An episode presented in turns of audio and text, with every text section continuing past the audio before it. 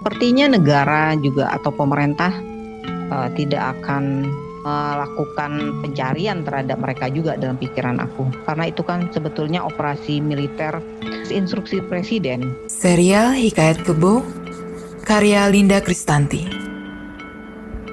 Cerita tentang mereka yang mencoba berjuang di tengah ketidakadilan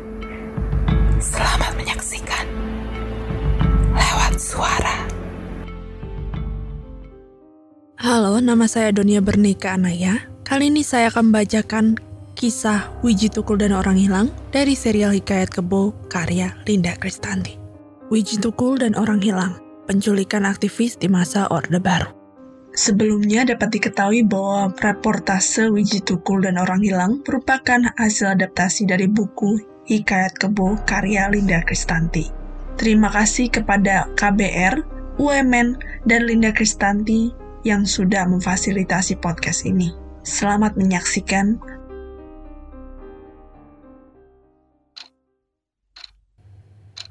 Wiji Tukul dan Orang Hilang, penculikan aktivis di masa Orde Baru.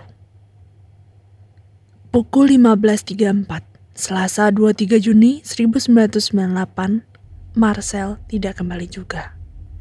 Dia seperti serpihan dari pesawat luar angkasa yang meledak di ruang hampa, lepas dari jangkauan gravitasi bumi, hilang.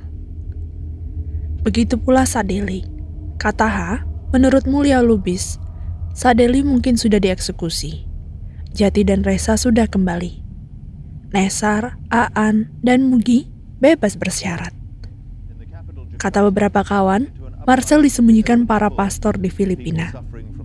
Tapi, aku tidak percaya. Menurut kawan-kawan, dia hilang di Tangerang setelah bertemu dengan A. Aku pernah sekali melihat ibunya muncul di televisi. Sepasang mata perempuan itu redup berair.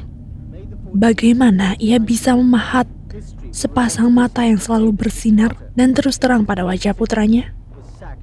N sempat bercerita tentang 103 mayat korban penembakan serta penganiayaan yang mengambang di Kali Bekasi. Beberapa waktu setelah kasus penembakan 12 mahasiswa Trisakti. Berita ini ditayangkan oleh Horizon. Apakah mereka berdua ada di antara mayat-mayat itu? Marcel adalah nama lain dari Bimo Petrus Anugrah, sedangkan Sadeli adalah nama alias dari Herman Hendrawan.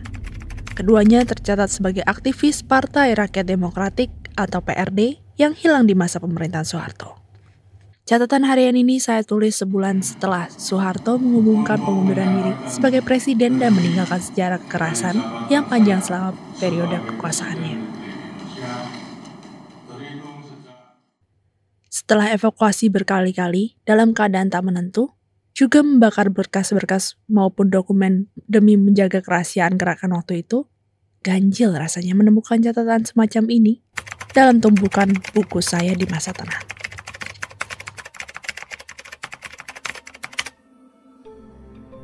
Ada sebelas kawan saya yang diculik militer di masa Soeharto. Empat orang tidak kembali dan seorang ditemukan sudah menjadi mayat di jalanan. Tapi anehnya, catatan itu menunjukkan bahwa saya maupun kawan lain tak pernah membicarakan Wiji Tukul sebagai orang keempat. Kami tak menganggapnya sebagai kawan yang mengalami penghilangan paksa. Tak pernah menaruh curiga ia turut menjadi korban. Saya dan mungkin banyak teman-teman mengira ia tengah bersembunyi di Solo atau di beberapa tempat, tapi situasi politik saat itu membuat kawan yang melindunginya merahasiakan keberadaannya dari yang lain. Ini juga hal biasa dalam partai. Tak semua hal perlu diketahui semua orang agar usia perjuangan bisa panjang. Ternyata, prasangka serupa terjadi pada istri Tuku, Sipon. Saya mendengar Mbak Pon menyangka ada kawan yang menyembunyikan suaminya dari kejaran militer. Namun, setelah sekian lama Tukul tak ada, masing-masing pihak mulai saling bertanya. Ternyata Tukul memang tak disembunyikan pihak mana pun, Sipon ataupun orang-orang PRD. Sejak itu pencarian Tukul mulai dilakukan. Keluarga dan kawan-kawan Tukul mendatangi lembaga bantuan hukum mulai percaya bahwa Tukul memang termasuk orang-orang hilang di masa Soeharto. Pencarian ini terkesan sangat lambat. Tukul bahkan tak termasuk dalam daftar orang hilang yang ada poster-posternya disebarkan oleh Komisi Orang Hilang dan Tindak Kekerasan Kontras. yang suatu kali pernah terpampang di berbagai tembok kota. Saya mendengar nama Tukul pertama kali pada tahun 1994. Ketika itu, pembentukan Persatuan Rakyat Demokratik baru saja selesai. Wiji Tukul terpilih menjadi ketua divisi budaya organisasi ini. Ada teman yang menyarankan saya untuk bertemu Tukul.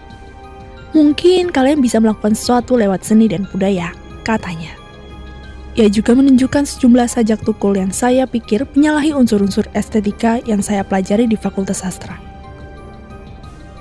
Sajak-sajak itu tidak puitis, dan pasti terdengar vulgar bagi mahasiswa di fakultas saya di masa Orde Baru. Bagi mereka, sulit membayangkan keindahan dalam keadaan kumuh dan miskin seperti kehidupan buruh, tukang becak, atau masyarakat miskin perkotaan tak bakal ada keindahan dalam got yang bau dan keringat yang mengucur deras. Yang bisa memicu kelahiran karya sastra. Kemiskinan dan penderitaan hanya melahirkan lembaran pamflet, bukan sajak atau puisi. Saya juga pernah punya anggapan semacam ini, bahwa keindahan sejati hanya terkandung pada kisah-kisah cinta yang wangi. Keindahan yang tak beriringan dengan protes, yang mengandung kemarahan, tuntutan, dan kekecewaan seperti apa yang Tuku sebut puisi. Teori-teori kekhususastraan yang saya pelajari tak berpihak pada sajak tukul. Samuel Taylor Coleridge 1772 hingga 1834 Sastrawan di masa romantik telah menyebut sajak sejenis karangan yang berlawanan dengan karya sains bersifat memberi kesenangan langsung. Padahal, sajak tukul lebih menimbulkan rasa gelisah ketimbang kesenangan. Rivater misalnya, mendefinisikan sajak sebagai mengatakan sesuatu tapi artinya lain. Definisi ini tak cocok dengan kul yang lugas, terang, dan tak suka main sembunyi-sembunyi itu. Sajak dalam buku-buku teori sastra disyaratkan memiliki ciri tertentu, antara lain berbentuk monolog, aku lirik, dan bermakna konotatif. Sajak harus mengandung metafora, simile, dan alegori. Pendeknya, atau memahami semua sajak tidak gampang. Teori-teori tersebut tidak tepat untuk sajak-sajak tukul. Sajak-sajaknya tak pernah bermain kiasan atau perbandingan yang rumit. Suara-suara itu tak bisa dipenjarakan. Di sana bersemayam kemerdekaan. Apabila engkau memaksa diam, aku siap untukmu pemberontakan.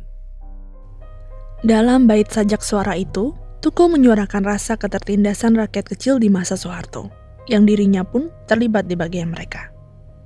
Seni bagi Tukul adalah seni terlibat, menyatukan dinamika masyarakatnya, bukan kumpulan imajinasi belaka. Pada tahun itu, juga saya berangkat ke Solo untuk menemui Tukul di kampung Kalangan bersama Raharja Waluya Jati, kawan aktivis di Yogyakarta. Kami memasuki pemukiman kumuh di tengah kota, yang dihuni para buruh pabrik, tukang becak, kulit rendahan, dan orang-orang yang paling tak diperhitungkan pendapatnya dalam sebuah pemerintahan otoriter. Di tengah kampung inilah sejak saya Tukul lahir. Tukul tak hanya menyuarakan kesengsaraan mereka, tapi juga membangkitkan semangat untuk melawan ketidakadilan. Sajak-sajaknya bukan semata-mata hardikan pada kekuasaan, tapi juga jalan keluar bagi orang-orang yang tertindas, jalan yang tidak disukai penguasa jalan melawan. Kami melihat anak-anak kecil bertelanjang kaki berlarian di bawah terik matahari, menghirup hawa busuk yang menguap dari limbah industri. Kami berhenti di muka sebuah rumah sewaan, dan seorang pria kurus berkaus oblong putih merek Swan menyambut di ambang pintu. Betapa ringkihnya orang ini, pikir saya.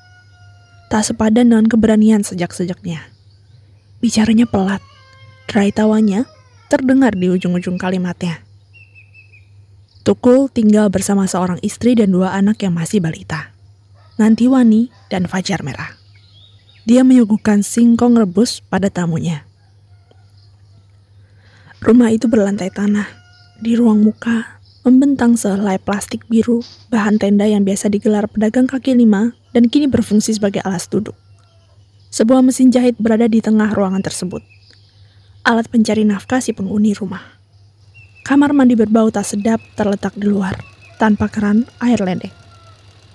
Tapi, Tukul punya sebuah ruang istimewa, perpustakaan. Ini satu-satunya kemewahan. Di sana ada buku Antonio Gramsci, Bertolt Brecht, Raymond Williams, Marx, kebanyakan buku berbahasa Inggris. Beberapa anak kampung tengah bertandang ke rumah Tukul ketika kami datang. Mereka belajar menggambar dengan teknik cukil kayu. Saya masih ingat, salah seorang yang ramah dan suka bertanya, namanya Trontong. Nanti Wani terlihat paling kecil menyala di antara mereka. Anak-anak tersebut tergabung dalam sanggar suka banjir. Mereka belajar menggambar, mengarang, membaca, dan bermain teater di situ. Tukul mengajarkan apa yang tak mereka peroleh di sekolah, yaitu mengekspresikan dengan jujur perasaan serta pengalaman sehari-hari mereka. Semua karya tertumpu pada hal-hal nyata. Bahkan, Suatu hari di sanggar ini memetaskan lakon tentang banjir. Dan di akhir pertunjukan, pemain serta penonton beramai-ramai mengunjungi rumah lurah untuk mengadukan tanggul yang jebol. Melalui permainan, Tukul telah menanamkan rasa percaya diri pada anak-anak kampung agar tak gentar menyatakan kebenaran. Dalam keterbatasan selalu ada jalan. Kelompok teater dari luar Indonesia juga pernah berkunjung ke Sanggar Suka Banjir dan membagi pengetahuan baru untuk anak-anak tersebut Kampung kalangan yang sempit seakan berubah luas, memberi anak-anak miskin itu kegembiraan. Tukul juga melatih buru-buru pabrik bermain teater. Konsep sebuah teater buru di Afrika mengilhaminya. Buru-buru memerankan pengusaha, satpam, mandor, supervisor, dan diri mereka sendiri. Buruh yang memerankan majikan berdebat dengan buruh yang memerankan dirinya sendiri. Mereka belajar bernegosiasi lewat teater. Selama ini, para buruh merasa tak punya kemampuan menjelaskan tuntutan mereka di hadapan penguasa atau pihak Departemen Tenaga Kerja yang mereka sebut orang-orang pintar itu. Kalimat-kalimat mereka selalu dipatahkan dengan kelihayan pengusaha berargumentasi. Tuntutan-tuntutan kesejahteraan mereka tak dipenuhi. Tukul melatih buruh-buruh berbicara, membangkitkan rasa percaya diri mereka untuk berhadapan langsung dengan pemilik modal yang menentukan upah mereka dalam kehidupan nyata. Latihan ini semacam simulasi. Meski pengusaha punya pembelaan hukum, buru-buru tak perlu gentar. Dan mereka akan lebih besar dan didengar. Tukul melakukan pengorganisasian buruh dengan cara seperti ini untuk PRD. Mengajak para buruh berjuang untuk memperoleh hak-haknya. Pada Agustus 1994, setelah beberapa kali bertemu, kami sepakat membangun jaringan kerja kesenian rakyat dan sepakat berpihak pada rakyat tertindas dalam karya-karya kami. Bentuk jaringan ini dipilih berdasarkan kondisi dunia kesenian saat itu, yang para pekerjanya jauh dari pengalaman berorganisasi dan sukar berdisiplin. Menganggap organisasi identik dengan penyeragaman yang mematikan kebebasan berkreasi mereka. Orang tak punya referensi tentang organisasi kesenian yang modern, selain paguyuban. Setidaknya, Bentuk jaringan ini bisa membuat mereka merasa tidak dikekang. Pengetahuan berorganisasi memang telah dihancurkan sejak peristiwa 1965. Pemerintah Soeharto membubarkan puluhan partai maupun sektoralnya menjadi tiga bagian yang telah mereka tentukan, yaitu Partai Persatuan Pembangunan, Partai Demokrasi Indonesia, dan Golongan Karya. Orde Baru tak memberi kebebasan pada rakyat untuk mendirikan organisasi dan berbeda pendapat. Sebab, rakyat yang terorganisasi bisa mempunyai kekuatan untuk mengancam kekuasaan dan punya posisi tawar yang besar. Negara menciptakan organisasi untuk mengontrol rakyat, menciptakan ketakutan bahwa yang tak masuk partai golongan karya atau serikat pekerja seluruh Indonesia misalnya, nasib seorang bisa buruk. Zaman itu tak banyak seniman yang berani berseberangan dengan pemerintah Orde Baru. Tapi Wiji Tukul tergolong mereka yang langka itu. Bunga dan tembok karya Wiji Tukul. Seumpama bunga, kami adalah bunga yang tak kau hendaki tumbuh. Engkau lebih suka membangun rumah dan merampas tanah. Seumpama bunga, kami adalah bunga yang tak kau hendaki adanya engkau lebih suka membangun jalan raya dan pagar besi. Seumpama bunga, kami adalah bunga yang dirontokkan di bumi kami sendiri. Jika kami bunga, engkau adalah tembok itu. Tapi di tubuh tembok itu telah kami sebar biji-biji. Suatu saat kami akan tumbuh bersama dengan keyakinan engkau harus hancur. Dalam keyakinan kami, di mana pun tirani harus tumbang. Tukul menggunakan kiasan tembok untuk penguasa dan bunga untuk rakyat yang diterampas tanah dan rumahnya dalam sajak bunga dan tembok tadi. Sikapnya terhadap tirani jelas tergambar dalam sajak harus tumbang. Tukul sudah dianggap menentang pemerintah jauh sebelum ia terlibat dalam partai. Baginya perlawanan terhadap ketidakadilan adalah naluri. Ia mempraktikkan sikap ini pertama-tama pada lingkungan terdekatnya Tukul mengajak warga kampung beramai-ramai memprotes keberadaan limbah pabrik bumbu masak yang menyebarkan bau busuk. Akibatnya, ia harus berhadapan dengan aparat setempat. Sajaknya tak hanya bernada perlawanan, tapi juga mengajak orang untuk bersatu melawan, mulai dari melawan pemilik pabrik sampai pemerintah, mulai dari menentang tentara rendahan sampai jenderal. Pada 1989, Badan Koordinasi Intelijen Negara, BAKIN, yang kini sebagai Badan Intelijen Negara BIN, menelpon Lembaga Ilmu Pengetahuan Indonesia lantaran lembaga ini dianggap merekomendasikan aktivitas kesenian Tukul. Kata Bakin, Wiji Tukul itu kan orang yang mau mendongkel negara kita. Ujar Jap Erkelens dari Koninklijk Institute for Talent and Volkenkunde, yang juga teman baik Tukul mengulang cerita orang lembaga tersebut. Tukul juga sudah langganan ditangkap dan disiksa koramil setempat. Bahkan pada masa itu, Tukul sempat ditahan koramil di Solo gara-gara menerima paket buku dari Belanda. Pihak kantor pos yang bekerja sama dengan militer telah melaporkan soal kiriman tersebut. Sajak-sajak Tukul itu berisi protes sosial, yang dalam hal ini terbentur pada politisi. Di dalam negeri, Tukul dimusuhi, tapi sajak-sajaknya membuat Tukul memperoleh penghargaan World Hymn and Courage Award yang pertama pada tahun 1991 bersama penyair W.S. Rendra. Penghargaan ini dibuat sebagai penghormatan pada sosiolog Belanda Willem Frederik Wertheim yang anti kolonialisme dan tidak suka perilaku pemerintah Soeharto. Ketika Intergovernmental Group on Indonesia atau sekarang Consultative Group on Indonesia, sebuah lembaga donor yang diprakarsai pemerintah Belanda, berdiri tahun 1967, Wertheim menulis artikel berjudul Tuan Sudah Kembali. Memperingatkan orang akan bentuk kolonialisme baru yang lebih maju dan tersembunyi. Untuk mempopulerkan jaringan kerja kesenian rakyat, masih pada tahun 1994, organisasi ini mendukung pameran pelukis Mulyono di Yogyakarta. Pameran Mulyono bertema kehidupan nelayan. Kartu-kartu pos yang dilukis anak-anak nelayan turut dipamerkan. Kartu-kartu tersebut menunjukkan sikap aparat atau rentenir yang terjadi di sekeliling mereka.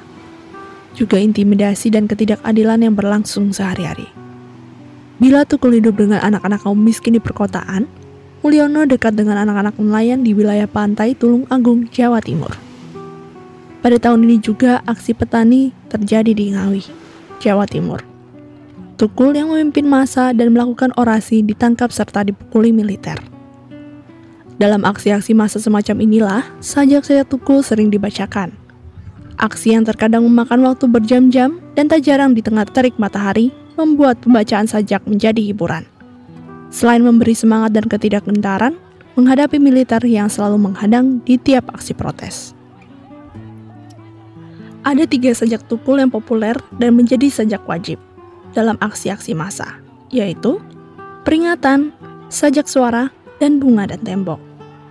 Ketiga sajak itu adalah antologi mencari tanah lapang yang diterbitkan oleh Manus Amici, Belanda tahun 1994. Tapi sesungguhnya antologi tersebut diterbitkan oleh kerjasama KITLV dan penerbit Hasta Mitra, Jakarta. Nama penerbit fiktif Manus Amici digunakan untuk menghindar dari pelarangan pemerintah Orde Baru. Peringatan karya Wiji Tukul Jika rakyat pergi ketika penguasa pidato, kita harus hati-hati, barangkali mereka putus asa. Kalau rakyat bersembunyi dan berbisik-bisik ketika membicarakan masalahnya sendiri, penguasa harus waspada dan belajar mendengar. Bila rakyat berani mengeluh, itu artinya sudah gawat. Dan bila omongan penguasa tidak boleh dibantah, kebenaran pasti terancam. Apabila usul ditolak tanpa ditimbang, suara dibungkam, kritik dilarang tanpa alasan, dituduh subversif dan mengganggu keamanan, maka hanya ada satu kata, lawan. 1994 merupakan tahun yang ramai bagi situasi nasional. Tiga media massa, Tempo, Detik, dan Editor di Bredel. Aksi protes berlangsung di Jakarta dan di berbagai kota. Para jurnalis turun ke jalan bersama mahasiswa dan organisasi pro-demokrasi seperti Pijar, Solidaritas Mahasiswa Indonesia untuk Demokrasi, Formaci, Aldera, dan sebagainya. Akhirnya tak semua rencana bisa berjalan mulus untuk kesenian dan jaringan. Seiring situasi politik Indonesia yang makin represif di masa Soeharto, PRD berkonsentrasi pada pengorganisasian kaum buruh dan mendukung perjuangan rakyat Timur Timur untuk memperebutkan kemerdekaannya. Pada Mei tahun 1995, Pusat Perjuangan Buruh Indonesia Underbau Partai melakukan aksi mogok bersama 5.000 buruh PT Great River di gedung DPR Republik Indonesia.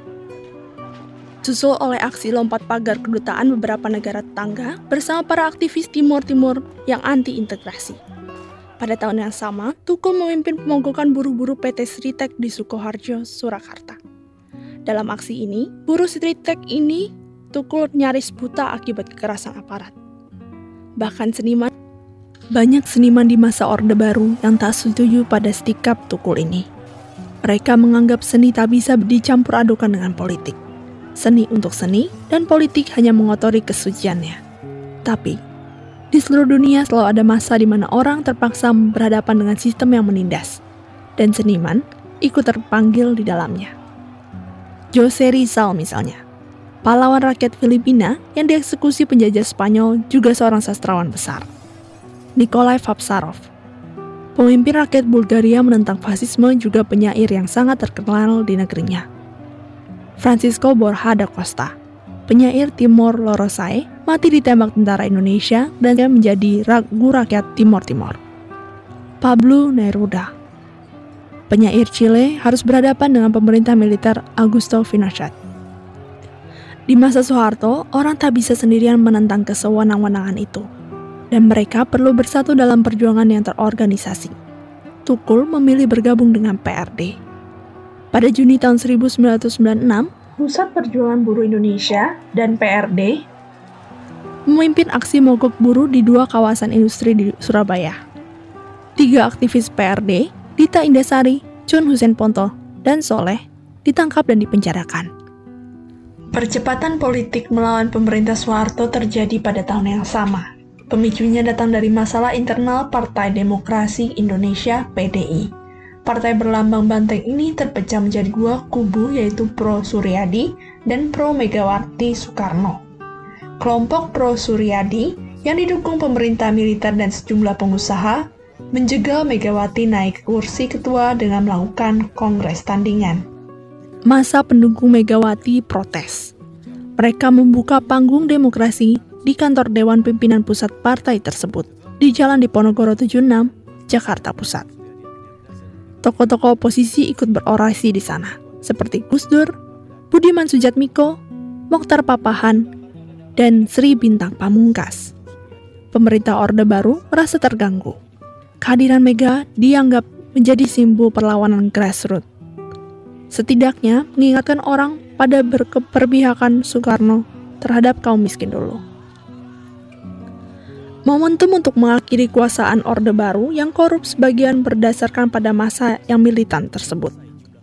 PRD memutuskan untuk mendukung perjuangan mereka. Tapi, pemerintah melihat hal ini tidak menguntungkan. Pemerintah kemudian mengeluarkan teori tentang kuda Troya. Taktik Troya menaklukkan Sparta dengan mengirim kuda kayu raksasa yang berisi prajurit Troya. PRD dianggap menunggangi masa PDI yang besar itu.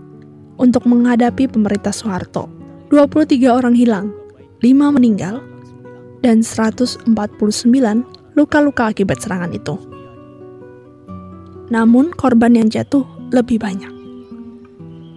PRD dituduh sebagai dalang peristiwa 27 Juli struktur, dan bagian organisasi serta nama sejumlah kawan disiarkan di televisi. Pada 10 Agustus 1996, Budiman Sujatmiko dan pengurus lainnya ditangkap dan ditahan. Kepemimpinan partai diambil alih oleh sejumlah komite tertutup. Taktik perjuangan berubah menjadi bawah tanah.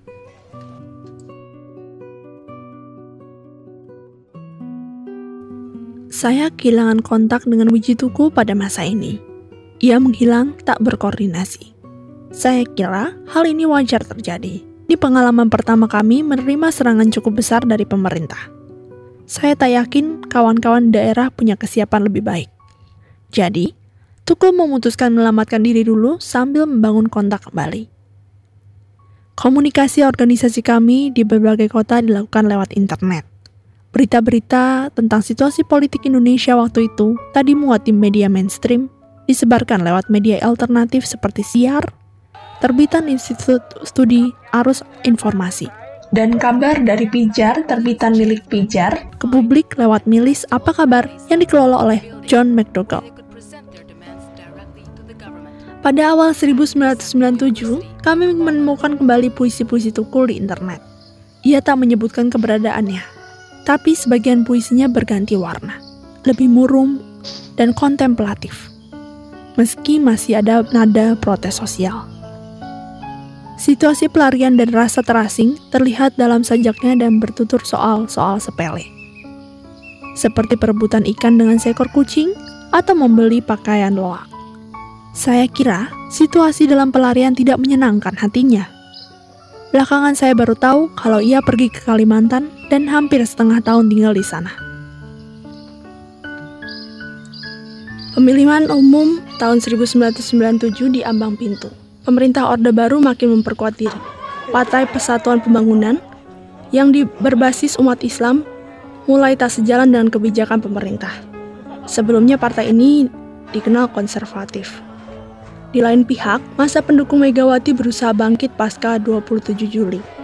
Berusaha berkonsolidasi, kini pemerintah Soeharto menjadi musuh besar bersama elit-elit politik yang semula Soeharto mulai berbalik arah.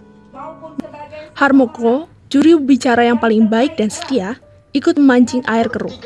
Ia menghimbau Soeharto mundur di televisi. Wiji Tukul telah kembali dari Kalimantan, dan ia diminta membantu kawan-kawan di Jakarta. Saya kembali bekerja sama dengan Tukul. Tapi, pada November tahun 1997, Tukul meminta izin untuk pulang ke Solo pada saya.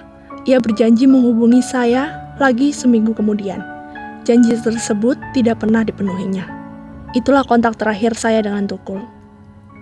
Terakhir kali saya ketemu dia, Desember 1997. Kata Jeb Erkelens. Namun, sejumlah orang masih melihatnya di Jakarta pada April 1998. Pada Mei 1998, ia benar-benar menghilang lanjut Erkelens. Mbak Pon juga terakhir bertemu Tukul pada akhir 1997. Waktu itu Desember, mau ulang tahun anaknya Fajar. Katanya kepada saya. 1998, Soeharto turun. Kerusuhan terjadi di Jakarta. Di tengah aksi massa yang menuntut pemerintah transisi meledak kerusuhan anti etnis Tionghoa. Banyak toko-toko dibakar, dan dijarah, perempuan Tionghoa diperkosa. Juni tahun 1998, sebulan setelah Soeharto turun, kerusuhan bertema sejenis telah menjalar ke beberapa daerah. Mokhtar Papahan dari Serikat Buruh seluruh Indonesia membuat pernyataan di media massa bahwa Ikatan Cendekiawan Muslim Indonesia berada di balik kerusuhan-kerusuhan tersebut. Pernyataan ini dibahas dan dibalas oleh Amir Rais dengan tak kalah emosional. Amin menuduh Mokhtar itu PKI dan komunis. Akibatnya, di masjid-masjid dipasang pengumuman bahwa gerakan buruh harus diwaspadai karena komunis berada di belakangnya. Ada juga yang menyebutkan Tukul dihilangkan aparat pada masa ini. Ia dilenyapkan sebagai konsekuensi aktivitas politik-politiknya, yang menjadikan seni sebagai cara. Tukul hilang di tengah istri dan anaknya yang dicintainya. Hilang dari tengah masa yang dibela. Dalam kumpulan puisi yang ia tulis, jadi pelarian dulu, terdapat sebuah puisi berjudul catatan, yang mengungkap detik-detik penjelasan perpisahan antara sang istri dan pesan untuk anak-anaknya. Catatan. Wiji Tukul. Gerimis menderas tengah malam ini. Dingin dari telapak kaki hingga ke sendi-sendi. Dalam sunyi hati menggigit lagi. Ingat saat pergi Cuma pelukan dan pipi kiri kananmu ku cium Tak sempat mencium anak-anak Khawatir membangunkan tidurnya Terlalu nyenyak Bertanya apa mereka saat terjaga aku tak ada. Seminggu sesudah itu, sebulan sesudah itu, dan ternyata lebih panjang dari yang kalian harapkan. Dada mengepal perasaan. Waktu itu cuma berbisik beberapa patah kata. Di depan pintu kau lepas aku, meski matamu tak terima, karena waktu sempit aku harus gesit Genap setengah tahun aku pergi, aku masih bisa merasakan bergegasnya pukulan jantung dan langkahku. Karena penguasa fasis yang gelap mata, aku pasti pulang. Mungkin tengah malam dini, mungkin subuh hari, pasti, dan mungkin. Tapi jangan kau tunggu, aku pasti pulang dan pasti pergi lagi. Karena hak telah dikoyak-koyak, tidak di kampus, tidak di pabrik, tidak di pengadilan, bahkan rumah pun mereka masuki. Muka kita sudah diinjak. Kalau kelak anak-anak bertanya mengapa? dan aku jarang pulang, katakan, ayahmu tak ingin jadi pahlawan, tapi dipaksa menjadi penjahat oleh penguasa yang sewenang-wenang. Kalau mereka bertanya apa yang dicari, jawab dan katakan, dia pergi untuk merampok haknya yang dirampas dan dicuri.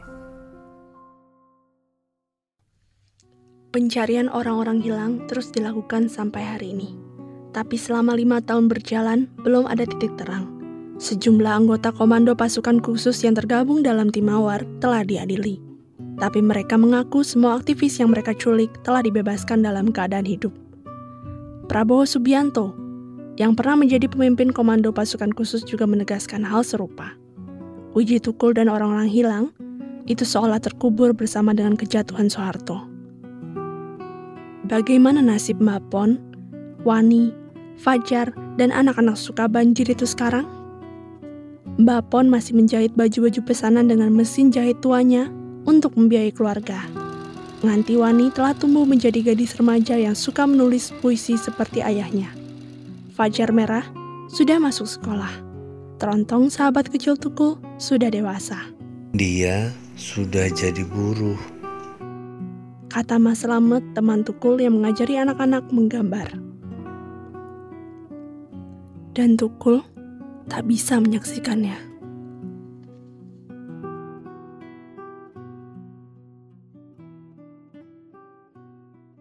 Wiji Tukul dan orang hilang bercerita tentang penculikan 13 aktivis pada masa Orde Baru. Adalah peristiwa penghilangan paksa yang termasuk kejahatan HAM berat pada masanya.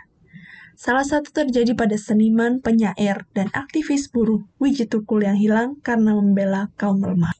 Penghilangan paksa pada masa Orde Baru didasari berbagai motif dan situasi, di antaranya permainan kekuasaan dan konflik politik. Penulis ingin mengangkat kasus penghilangan paksa karena hingga kini kasus ini belum diselesaikan secara tuntas. Nama-nama orang hilang lenyap seiring dengan perkembangan zaman. Penghilangan paksa masih sering terjadi dan menjadi praktik politik yang dilakukan penguasa untuk membungkam rakyat kecil. Penulis mendorong adanya payung hukum yang jelas di Indonesia agar rantai imunitas pelaku bisa diputuskan. Simak wawancara bersama dengan penulis Linda Kristanti berikut ini. Kenapa aku memilih cerita Wiji Tukul ini? Karena pasca Soeharto itu kan ada banyak sekali pada masa Soeharto kan ada banyak sekali kejadian dan kejadian-kejadian yang menyangkut misalnya pelanggaran hak asasi manusia termasuk penculikan ataupun penghilangan paksa dan yang menjadi korban itu antara lain Wiji Tukul kemudian uh, ada empat orang yang masih hilang dan kebetulan aku juga mengenal mereka uh, sebagai apa ya teman pada masa waktu masih muda dulu ya waktu masih mahasiswa terus umur 20-an nah jadi pengalaman langsung dengan aku sebagai pribadi gitu. Nah tapi cerita Wiji Tukul dan orang hilang ini aku menceritakan orang-orang yang aku kenal gitu. Nah uh, kemudian apa sebabnya aku menulis tentang mereka karena aku berpikir pada waktu itu ya. Sepertinya negara juga atau pemerintah tidak akan uh, tidak akan melakukan pencarian terhadap mereka juga dalam pikiran aku. Karena itu kan sebetulnya operasi militer uh, yang dilakukan secara khusus ya oleh unit dalam Kopassus atas instruksi presiden instruksi presiden Soeharto meskipun Soehartonya sudah turun, tapi kan dalam sebuah operasi militer yang menyangkut negara, apalagi itu terkait dengan misalnya apa yang disebut mereka kan dikelompokkan sebagai musuh negara. Itu kan sebetulnya operasi-operasi yang uh, sifatnya rahasia ya dan dan pelakunya kan karena ketahuan makanya mereka dikriminalkan, dihukum, diadili yang timawar itu. Tapi aslinya kalau mereka tidak ketahuan ya mereka mungkin tidak akan diapa-apakan juga para pelakunya. Jadi aku berpikir pada waktu itu sih aku berpikir mungkin nanti akan ada orang yang menulis kisah mereka tetapi uh, tidak ada salahnya aku mulai menulis tentang mereka semua gitu agar kalaupun mereka tidak dicari mereka tetap hilang tidaknya orang-orang sesudah mereka kalau mereka misalnya suatu hari ingin mengetahui tentang orang-orang hilang ini salah satunya misalnya ada di dalam tulisan itu gitu. Nah, ya. bagaimana sosok Wiji Tukul di mata Mbak nih? Wiji Tukul itu orang yang sangat sederhana. Kalau secara perawakan dia itu kurus, dia bukan orang yang ganteng. Kalau bicara itu agak cadel ya, agak cadel. Terus kemudian orangnya suka tertawa. Terus dia juga suka membaca buku. Uh, terus dia seorang yang pemberani menurut aku ya. Dan dia punya punya satu menurut aku dia punya jiwa seorang guru. Karena karena dia ingin Misalnya dia tidak hanya misalnya melakukan aksi protes lewat seni atau teater ya, tapi dia misalnya juga mengajak anak-anak untuk berteater, mengajak anak-anak untuk latihan menggambar.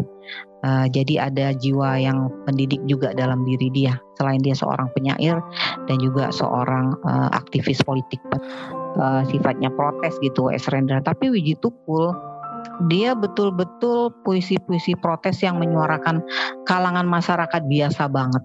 Tukang beca, buruh pabrik, yang saya tidak temukan misalnya di dalam uh, puisi Rendra mungkin ada, tetapi uh, cara menyampaikannya tuh sangat berbeda gitu. Sangat berbeda dengan cara Wiji Tukul yang lebih lugas, tanpa tanpa kiasan-kiasan yang yang membuat kita tuh harus berpikir nih apa ya maksudnya?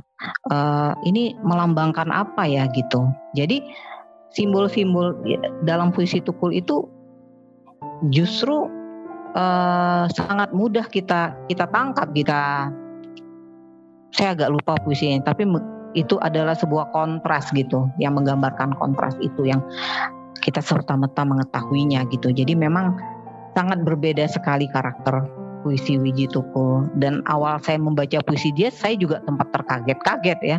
Maksudnya saya pertama kali dikenalkan puisi dia tuh oleh teman saya.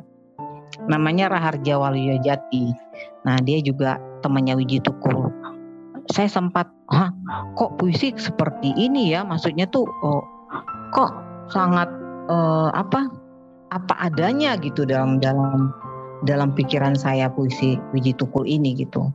Uh, tapi terus saya pikir oh jadi mungkin bisa jadi yang dia ingin kedepankan adalah uh, semacam protes sosialnya gitu. Yang kalau misalnya protes sosial yang ingin segera kita orang lain tahu kan kalau kita kemas terlalu banyak dengan dengan kiasan-kiasan mungkin orang tidak akan cepat menangkapnya gitu. Jadi memang dalam puisi-puisi perlawanannya Wiji Tukul itu dia menggunakan kata-kata yang lebih terang ataupun lebih lugas uh, yang orang bisa langsung merasakan men dan menangkap uh, emosi, kemarahan, eh, pikiran-pikiran uh, dia dan tuntutan-tuntutannya. Masih. Baik Mbak, uh, kita mungkin kembali lagi ke perjuangan Tukul ya Mbak ya. Uh, mm -hmm. Terakhir kali ketemu atau mendengar kabar dari Wiji Tukul itu kapan Mbak? Bisa diceritakan mungkin detailnya? Seingat saya itu pada bulan November tahun 97.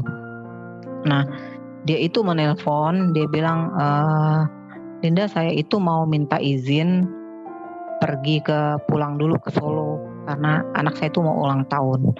Sebenarnya dia nggak boleh pulang ke Solo ya karena kan itu bahaya. Semua dari kita itu sudah diberitahu tidak boleh pulang ke rumah karena aparat pasti akan mencari ke rumah dan akan mengintimidasi orang-orang tua kita. Jadi kita untuk menjaga orang tua kita, kita pun tidak boleh pulang ke rumah. Itu pun masih kembali lagi ke Jakarta untuk melakukan uh, satu pekerjaan yang lain ya, pengorganisasian yang lain yang dia tidak ada di dalam satu garis koordinasi bersama saya gitu, tapi dia ada di tempat yang sama yang saya tahu ada di situ. Nah, kemudian dia hilang di tempat itu karena ada kebocoran uh, di tingkat kurir. Jadi ada penyusupan orang badan intelijen di situ yang sampai sekarang masih di situ katanya. Dia menyamar menjadi semacam aktivis juga.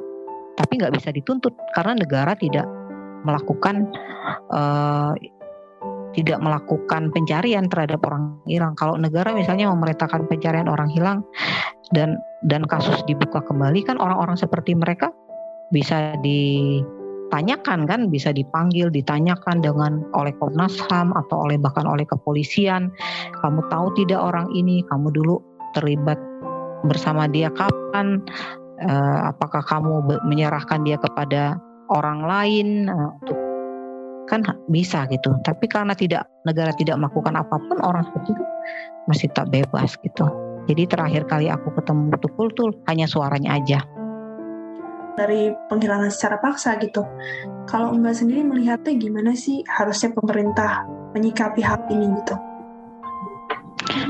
Harusnya pemerintah itu itu yang aku tidak mengerti ya. Jadi ada teman aku yang dia pernah bekerja untuk rezim sebelumnya dia bilang uh, tapi juga waktu zamannya Pak SBY ya dan Pak SBY kan juga seorang militer dia bilang pemerintah menawarkan untuk memberikan kompensasi dalam bentuk uang kepada keluarga korban penghilangan paksa.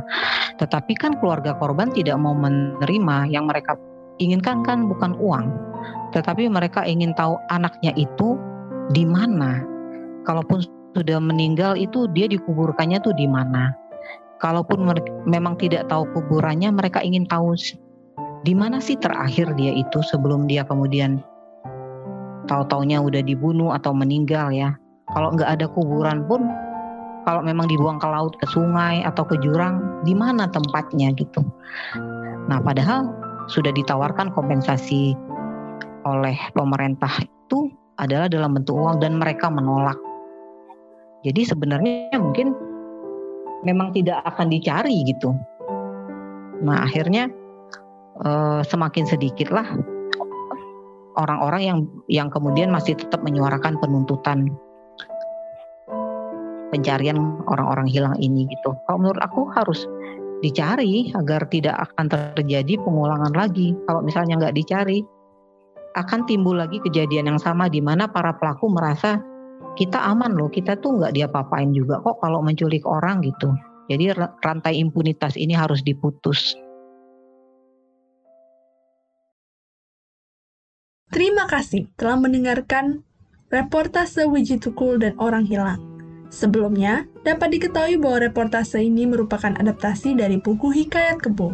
Buku ini merupakan kumpulan reportase mendalam dari penulis Linda Kristanti. Oleh sebab itu, terima kasih kepada Mbak Linda Kristanti yang telah mengizinkan kami mengadaptasi teks reportase ke dalam bentuk audio. Kami juga berterima kasih kepada KBR dan UMN yang telah memfasilitasi podcast ini. Kami minta maaf jika ada kesalahan penyebutan atau pelafalan dalam podcast. Jangan lupa untuk menyaksikan podcast serial Hikayat Kebo setiap hari Senin di platform kesayangan Anda. Saya Donia Bernika Naya, pamit undur diri, terima kasih. Serial Hikayat Kebo, selamat menyaksikan lewat suara.